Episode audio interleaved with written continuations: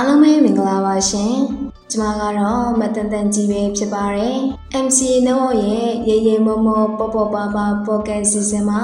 နောက်နောက်ပါဝင်တင်ဆက်သွားမှာဖြစ်တဲ့အတွက်အရင်ဆုံးကျွန်မကိုကျွန်မမိတ်ဆက်ပေးပါရစေ။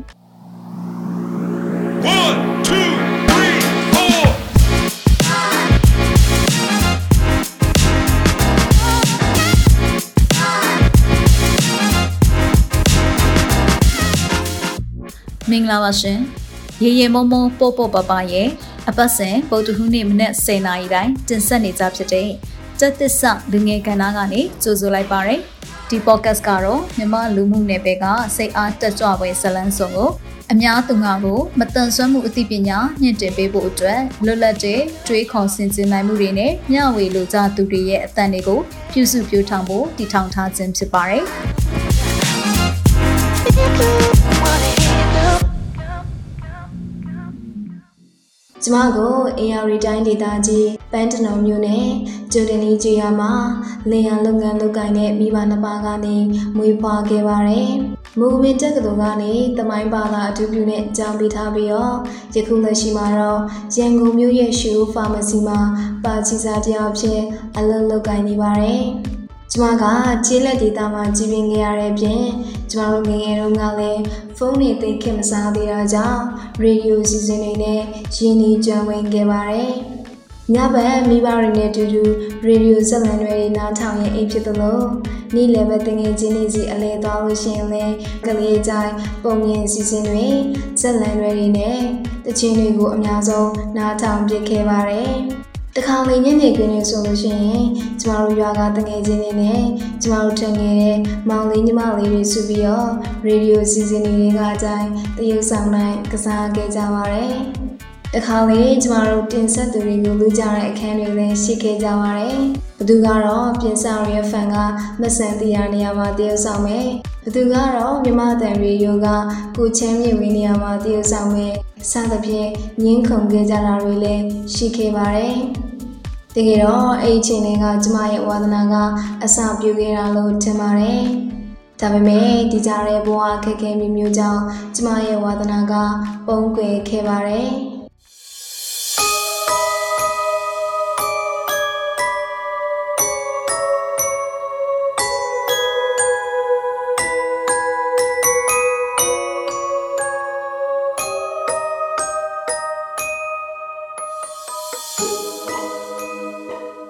ကျမကမွေးလာတဲ့ကကျမ်းမာရေးချူကြတာကြောင့်မိဘတွေကအရန်ကိုဂရုစိုက်ခဲ့ကြပါတယ်။ကျမမမိသေးတဲ့ကျမမူလာတဲ့ကြောင့်တက်တုံကဆိုလို့ရှိရင်အဖေကမိုးလေးနဲ့နဲ့အေးတာနဲ့အေးမိမှဆိုလို့ကြောင်ကိုမသွားခိုင်းခဲ့ပါဘူး။ကျမတို့တက်ခဲ့ရတဲ့မူလာတဲ့ကြောင်လေးကလည်းဟိုဟောင်းနေတဲ့ဝါကြောင်လေးဖြစ်တာကြောင့်အမိုးကကမလုံခြုံခဲ့ပါဘူး။ ဒီနေရာမှာကျွန်မအဓိကပြောချင်တာကတော့မိဘတွေရဲ့ကူးဆိုင်မှုကိုလိုရာထက်ပိုရခဲ့တဲ့ကျွန်မကကိစ္စတစ်ခုခုဆိုလို့ရှိရင်မိဘတွေရဲ့အာကူနဲ့အပင်မမခံပဲရှောင်ပြေးတတ်တဲ့အကျင့်လေးဆွဲလာခဲ့ပါတယ်။ငယ်စဉ်တုန်းကတော့ပင်မနေလို့ထင်ရတဲ့ကိစ္စကတော့စာလို့ရတဲ့ကိစ္စပါပဲ။ကျွန်မကစာကြက်ရတာကိုတော့စိတ်ဝင်စားပါတယ်။ ဒါပေမဲ့တင်ချတွေ့ရတာကိုတော့ကျွန်မ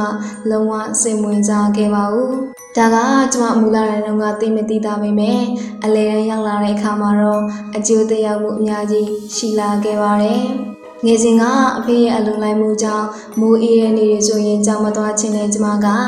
အလဲတန်းရောက်လာတဲ့အခါမှာတော့တင်ချအင်စာမရတဲ့နေ့တွေဆိုရင်ကြောင်မသွားခြင်းတော့ပါဘူး။ဒီလိုနဲ့အိမ်နေကျွန်မကြောင်ပြတ်လိုက်ပါတယ်။ တကယ်တော့အိမ်နေကတင်ချအင်စာတင်တာကိုလွတ်သွားသလိုအိမ်နေကတင်တဲ့သင်ခန်းစာတွေကိုလည်းလွတ်သွားခဲ့ပါတယ်။ဒီလိုနဲ့ကျမစာမရတာကနှစ်ဆဖြစ်ပြီးတော့ကျမရဲ့ကြောင်ပြည့်တဲ့တန်တရားကြီးကလည်းလည်နေခဲ့ပါတယ်။ဒီ pocket ကုနာစနေရဲ့အချိန်မှာမိဘရဲ့မိတ်ဆွေပါခဲ့လို့ရှိရင်လေကိုယ့်ရဲ့သားသမီးလေးတွေကိုအလုံးမလိုက်တင်တာကိုမလိုက်ဖို့နီးမှန်လမ်းမှန်နဲ့ချစ်တတ်ဖို့အတွက် ကျမရဲ့ငယ်စဉ်ကအဖြစ်ပြက်လေးကိုဥပမာပေးပြီးအကြံပေးပြောကြားခြင်းပါတယ်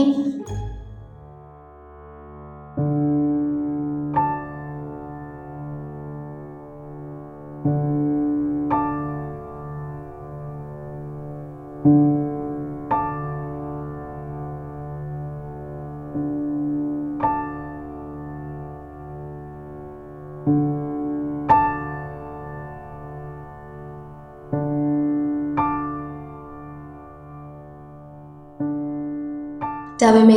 ရန်တရားကြီးကအဲ့ဒီကြွညံ့ညံ့ကောင်းမလေးတရားကိုတမ်းမာစေဖို့အတွက်တွန်းအားတွေဖန်တီးပေးခဲ့ပါတယ်။အကြောင်းကတော့ကျမအသက်17နှစ်မှာကျမရဲ့အဖေကွယ်လွန်ခဲ့ပါတယ်။ဒီလိုနဲ့အဖေရဲ့အလုပ်ကိုင်ကိုသာမိကူအားထားနေရတဲ့ကျမတို့အိမ်ရဲ့စီးပွားရေးဟာလည်းရိမ့်ရိုင်စပြိုလာခဲ့ပါတယ်။ဒါကအဖေဆုံးပြီးတစ်နှစ်နှစ်နှစ်လောက်မှတိတ်မတိတာပဲမဲ့နောက်ပိုင်းနှစ်တွေမှာတော့ကျမတို့အိမ်ရဲ့အခြေအနေကအတော်လေးဆူလာခဲ့ပါတယ်။ ဒါပေမဲ့အမေကကျမကိုသူတက်နိုင်သလောက်ရှာဖွေကြွေးငွေပညာသင်ပေးခဲ့ပါတယ်။ကျမဆယ်ရဲရောက်လာတဲ့အချိန်မှာတော့အခက်အခဲတွေအများကြီးရှိပါခဲ့ပါတယ်။အမေကကျမရဲ့ကြောင်ကျေးပြင်တစ်ဖက်မှာလည်းမပြေလည်ခြင်းယူသုံးထားတဲ့အကျွေးတွေကိုဆက်နေရတာကြောင့်ကျမတို့အိမ်ရဲ့စာဝန်ကြီးဟာတနေ့ထက်တနေ့ကြက်တင်လာခဲ့ပါတယ်။ကျမလည်းဒီခက်ခဲတွေကိုကြည့်ပြီးတော့ကြောင်တက်ရတာမပြောတော့ပါဘူး။ ဒီလိုနဲ့ရန်ကုန်ကကုန်တိုင်းတစ်ခုမှအလုပ်လုပ်ဖို့အတွက်စုံစမ်းခဲ့ပါတယ်။အဲ့ဒီချိန်တုန်းကကျမကပညာရေးတစ်ပိုင်းတက်လက်စာဖြစ်နေတာရဲ့အသက်မပြေရရဲ့ကြောင့်အလုပ်လုပ်ဖို့အတွက်ကအဆင်မပြေခဲ့ပါဘူး။ဒီလိုနဲ့ကျမစားရဲလဲစိတ်မရောက်အလုပ်လည်းမလုပ်ဖြစ်ပဲနဲ့စိတ်လေးနေခဲ့ပါတယ်။တခါလေကျမစိတ်ဝေဒနာခံစားနေရတဲ့လူတစ်ယောက်လိုပါပဲ အိမ်နောက်ဖေးဘက်ကလေခွင်းတွေပဲထွက်ပြီးတော့ဘသူ့ကိုလမ်းလို့လမ်းမမသိဘယ်ကိုသွားလို့သွားခြင်းပဲမသိဘဲနဲ့စိတ်ကအလုံးလုံးတိမ်နေနေပြီးတော့လမ်းပြောင်းနေခဲ့ပါတယ်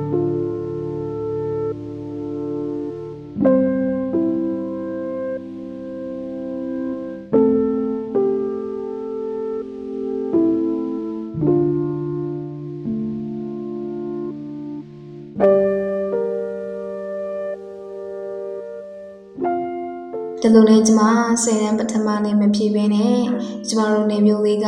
စပိန်ဆိုင်ကအပူပစ္စည်းအယောင်ဆိုင်မှာအလုပ်ဝင်ခဲ့ပါတယ်။အလုပ်ဝင်စားကတော့ရွာကအဖော်ရင်းနဲ့တူတူသွားခဲ့ကြတာပါ။ဒါပေမဲ့သူတို့က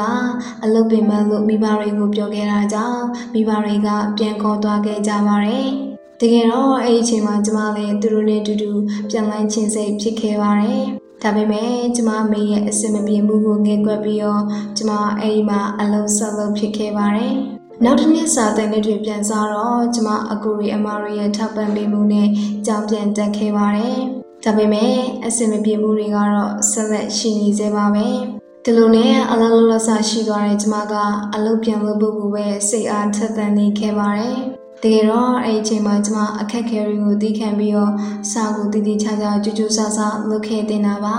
ဒါပေမဲ့ကျမစာကိုတည်ချာမလုပ်ခဲ့တဲ့အတွက်ကျမဘဝအတွက်အကြည့်ကွဲရဆုံးအချိန်တစ်ခုရောက်လို့လာပါတယ်အဲ့ဒါကတော့ဆယ်တန်းအောင်စဉ်ထွက်တဲ့နေ့ပါပဲကျမနဲ့တူတူတက်ခဲ့ကြတဲ့ကြိုးစားတဲ့ကျမရဲ့တငယ်ချင်းတွေကတော့သူတို့ရဲ့ကြိုးစားမှုရလဒ်အဖြစ်အောင်မြင်မှုတည်တည်ရရှိခဲ့ကြပါတယ်ကျမတယောက်တည်းရှုံးနေခဲ့ပါတယ် အဲ့ဒီချိန်မှာကျွန်မဖြစ်လာတဲ့ခံစားမှုကတော့အမိကိုတနာတဲ့စိတ်ဖြင့်တငယ်ချင်းတွေကြားတဲ့ကိုတယောက်တည်းကြာကြံရခဲ့တဲ့အတွက်အလွန်လေးရှက်ခဲ့မိပါတယ်။ဒီလိုနဲ့ကျွန်မအမေကိုနောက်တစ်နှစ်စာတင်နှစ်မှာတည်တည်ချာချာဆောက်လုပ်ပါမယ်ဆိုပြီးတော့ကတိပေးခဲ့ပါတယ်။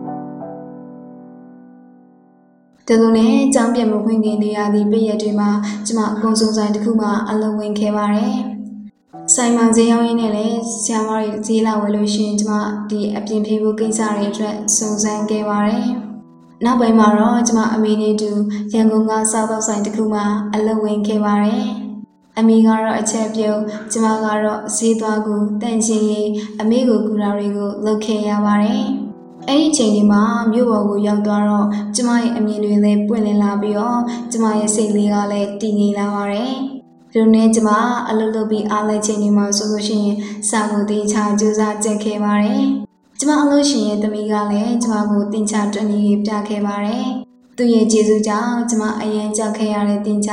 စိတ်အေးခဲ့ရပါတယ်။ဒါပေမဲ့အင်္ဂလိပ်စာအတွက်ကတော့ပြဿနာကရှိနေစေပါပဲ။ ဒီလိုနဲ့ကျမလည်းပါလို့ရမလဲမသိတာနဲ့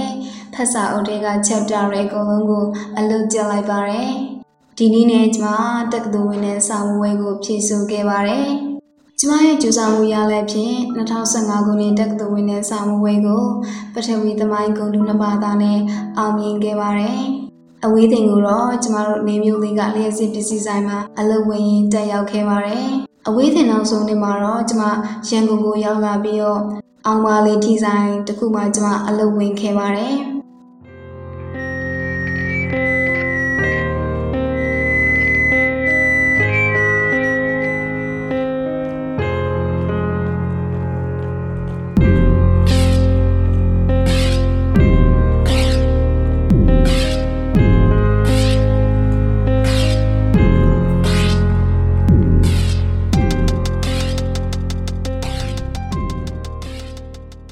နေရာမှာကျမရန်ကုန်ဆိုလို့စကားဆက်မိလို့ပြောရပါအောင်မယ်။ကျမတို့ဂျေလက်ကလူငယ်တွေကကိုယ့်ကိုယ်ကိုအရန်နှိမ်ချကြပါတယ်။ဒါပြင်အခွင့်အရေးကိုမတိကြတာလည်းပါမှာပါ။ကျမလည်းသူတို့တွေကတယောက်ပါပဲ။ကျမတို့ကရန်ကုန်မှာအလုပ်လာလုပ်ရင်အခြေခံလုပ်တွေဖြစ်တဲ့စားတောက်ဆိုင်စတူးဆိုင်ဒီလိုနေရာတွေကိုသာပြင်းပြင်းမိကြပါတယ်။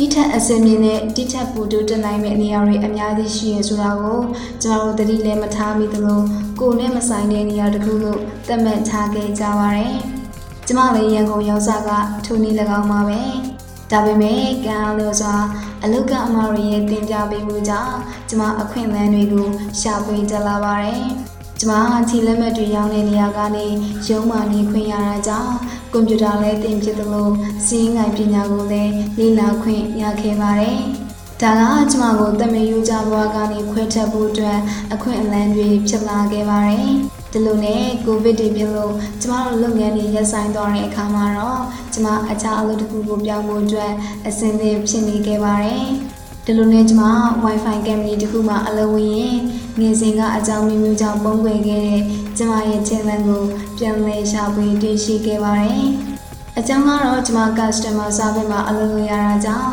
customer တွေနဲ့ဖုန်းပြောတဲ့အခါမှာကျမရဲ့အတန်ကချူတာနေတာကိုကိုကိုရိုင်းနဲ့တတိထားမိသလိုကျမရဲ့လုပ်ဖို့ကိုင်ဘက်တွေကလည်းထောက်ပြခဲ့ပါတယ်။ ဒီလိုနဲ့ကျမအဲ့ဒီမှာအလုပ်ဝင်ရင်အခြားတစ်ဖက်မှာလည်းဒီထက်ပိုကောင်းမွန်နိုင်တဲ့အလုပ်ကိုင်ခွင့်လန်းရရှိဖို့အတွက်ကိုလည်းကျမရှာဖွေနေခဲ့ပါတယ်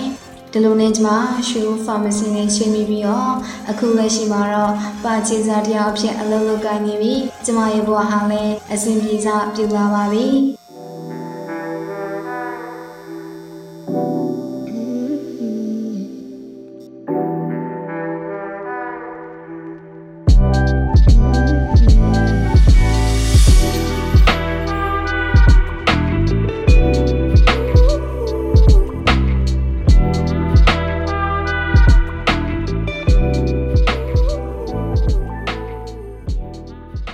ဒါကြောင့်ဒီဘောကတ်ကိုနားထောင်နေတဲ့အချိန်မှာကျမလိုပဲအခွင့်အလမ်းမသိခဲ့တဲ့လူငယ်တွေပါခဲ့လို့ရှိရင်ဒီတိုင်းဘောကချပေးရဲ့ကြာရနေရမှာပဲမနေဘဲနဲ့ကိုအတွက်အခွင့်အလမ်းတွေအခွင့်အရေးတွေရှိနိုင်မယ့်ပတ်ဝန်းကျင်တွေကိုရှာဖွေရောက်ရှိဖို့အတွက်မျက်စိပွင့်လာဆင်ပြီးတော့ကြိုးစားလုပ်ကိုင်ကြဖို့ကိုလည်းကျမကတိုက်တွန်းချင်ပါတယ်။ ကျမကမြို့ပြထန်အစားအစာရရခွင့်ရင်းနေပါတဲ့ကျေးလက်ဒေသမှာကြီးပင်ခဲ့ရတာကြောင့်ကျေးလက်နေပြည်သူတွေရဲ့ပညာရေးဆိုင်ရာအခွင့်အလမ်းတွေပါမှုကိုကိုယ်တိုင်ကြုံတွေ့ခဲ့ရသူပါကျမတို့တန်ဆွမ်းသူတွေအတွက်ပင်အခွင့်အရေးနဲ့ပါလျော်ကျမတို့ပတ်ဝန်းကျင်ကမတန်ဆွမ်းသူတွေအတွက်ပညာသင်ခွင့်ရဖို့ရာအရန်ကိုခက်ခဲပါတယ်အဓိကအားဖြင့်အမြင်အာရုံမတန်ဆွမ်းသူတွေအတွက်ပညာသင်ကြားဖို့ကပိုပြီးတော့မလွယ်ကူခဲ့ပါဘူး ဒါကြောင့်ကျမကကျမတို့ပတ်ဝန်းကျင်ကမတန်ဆွမ်းသူတွေရဲ့အရေးကိုဆောင်ရွက်ပေးနိုင်မှုအတွက်စိတ်ကူးရှိခဲ့ပါတယ်။ဒီလိုနဲ့ကျမ Facebook မှာမတန်ဆွမ်းမှုနဲ့ပတ်သက်တဲ့ page တွေကို follow လုပ်ခဲ့ပါတယ်။ကျမကဝန်ထမ်းဖြစ်တဲ့အတွက်တနင်္ဂနွေပေးရရပါတယ်။ကျမကလည်းစာဖတ်ရတာဝါသနာပါတဲ့အတွက်ကြောင့်ကျမရဲ့ပေးရမှာအမြင်အာရုံမတန်ဆွမ်းသူတွေအတွက်စာအုပ်ဖတ်ပြပေးဖို့အဆက်သွင်းရှာရင်းနဲ့ MCA network ကနေ Voice Talent အတန်ဆွဲရည်ပိုင်ရှင်များအားဖိတ်ခေါ်ခြင်းဆိုတဲ့ post ကိုတွေ့ပြီးတော့ကျွန်မအယံဝမ်းသာခဲ့ပါတယ်။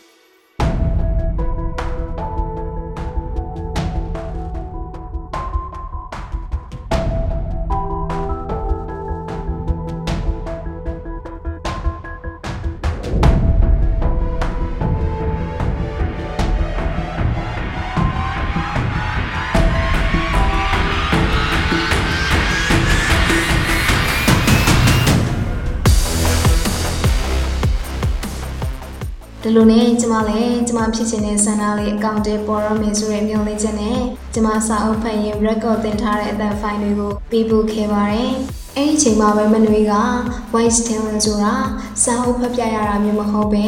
ကိုယ့်ရဲ့အသံကိုကြားရနေရကနေတရုပ်ဆောင်ရမယ်ဆိုတာကိုရှင်းပြပြီးတော့လေ့လာရမယ့်အကြောင်းအရာအချို့ကိုလည်းပို့ပေးခဲ့ပါတယ်။ ဒါအပြင်အမြင်အာရုံမတန်ဆွမ်းသူတွေအတွက်စာအုပ်ဖတ်ပြပေးလို့ရမယ့်နေရာရဲ့အဆက်အသွယ်ကိုလည်းပေးခဲ့ပါတယ်။ဒါပေမဲ့အခုလက်ရှိမှာတော့အဲ့ဒီစီစဉ်ကယာယီရနာထားတာကြောင့်ကျမစာသွားမဖတ်ဖြစ်ခဲ့ပါဘူး။ဒီကြားတဲ့ MCA Network ကမနှွေးပူပေးတဲ့အကြောင်းအရာတွေကိုလေ့လာရင်းနဲ့ငယ်စဉ်ကကျမရဲ့ဝါသနာကိုပြန်လည်ရှာဖွေတွေ့ရှိခဲ့ပါတယ်။ ဒါကြောင့်မတန်ဆွမ်းသူတွေရဲ့အခွင့်အရေးကိုလည်းဆောင်ရွက်ပေးရရကျမရဲ့ဝါသနာကိုလည်းပြုထောင်ပေးတဲ့အနေနဲ့ MCA Network ရဲ့ Voice Talent အစီအစဉ်မှာဝင်လျှောက်ရင်းနဲ့ရွေးချယ်ခြင်းခံခဲ့ရပါတယ်။အဲ့ဒီလိုရွေးချယ်ခြင်းခံခဲ့ရတဲ့အတွက်လည်းကျမအတိုင်းမသိဝမ်းသာခဲ့ပါတယ်။ရှေ့ချောင်း MCA နဲ့လက်တွဲပြီးစိတ်ဝင်စားဖွယ်ကောင်းတဲ့အစီအစဉ်တွေကိုတင်ဆက်သွားမှာဖြစ်တဲ့အတွက်ကျမတို့ရဲ့အစီအစဉ်တွေကိုစောင့်မျှော်အားပေးကြဖို့ကြုံလည်းတောင်းဆိုချင်ပါတယ်။ အခုစီစဉ်ကိုဆုံးထိနာဆင်ပေးကြတဲ့အတွက်လည်းကျေးဇူးတင်ကြောင်းပြောကြရင်းနဲ့ကျမရဲ့အစီအစဉ်လေးကိုအဆုံးသတ်လိုက်ချင်ပါတယ်။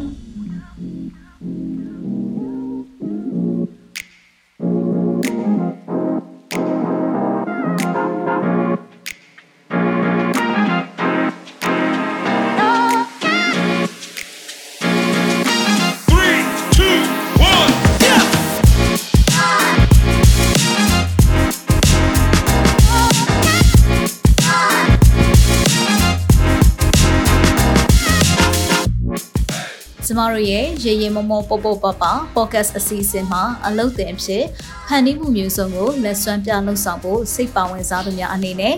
Google Form ကနေပြီးတော့မှမိမိတို့ရဲ့မှတ်ပုံတင်ရှင်းနှောင်းနဲ့အလှတက်ပုံတစ်ပုံအပြင်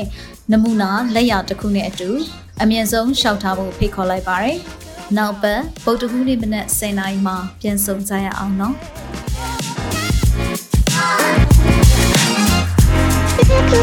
Wanna hear you go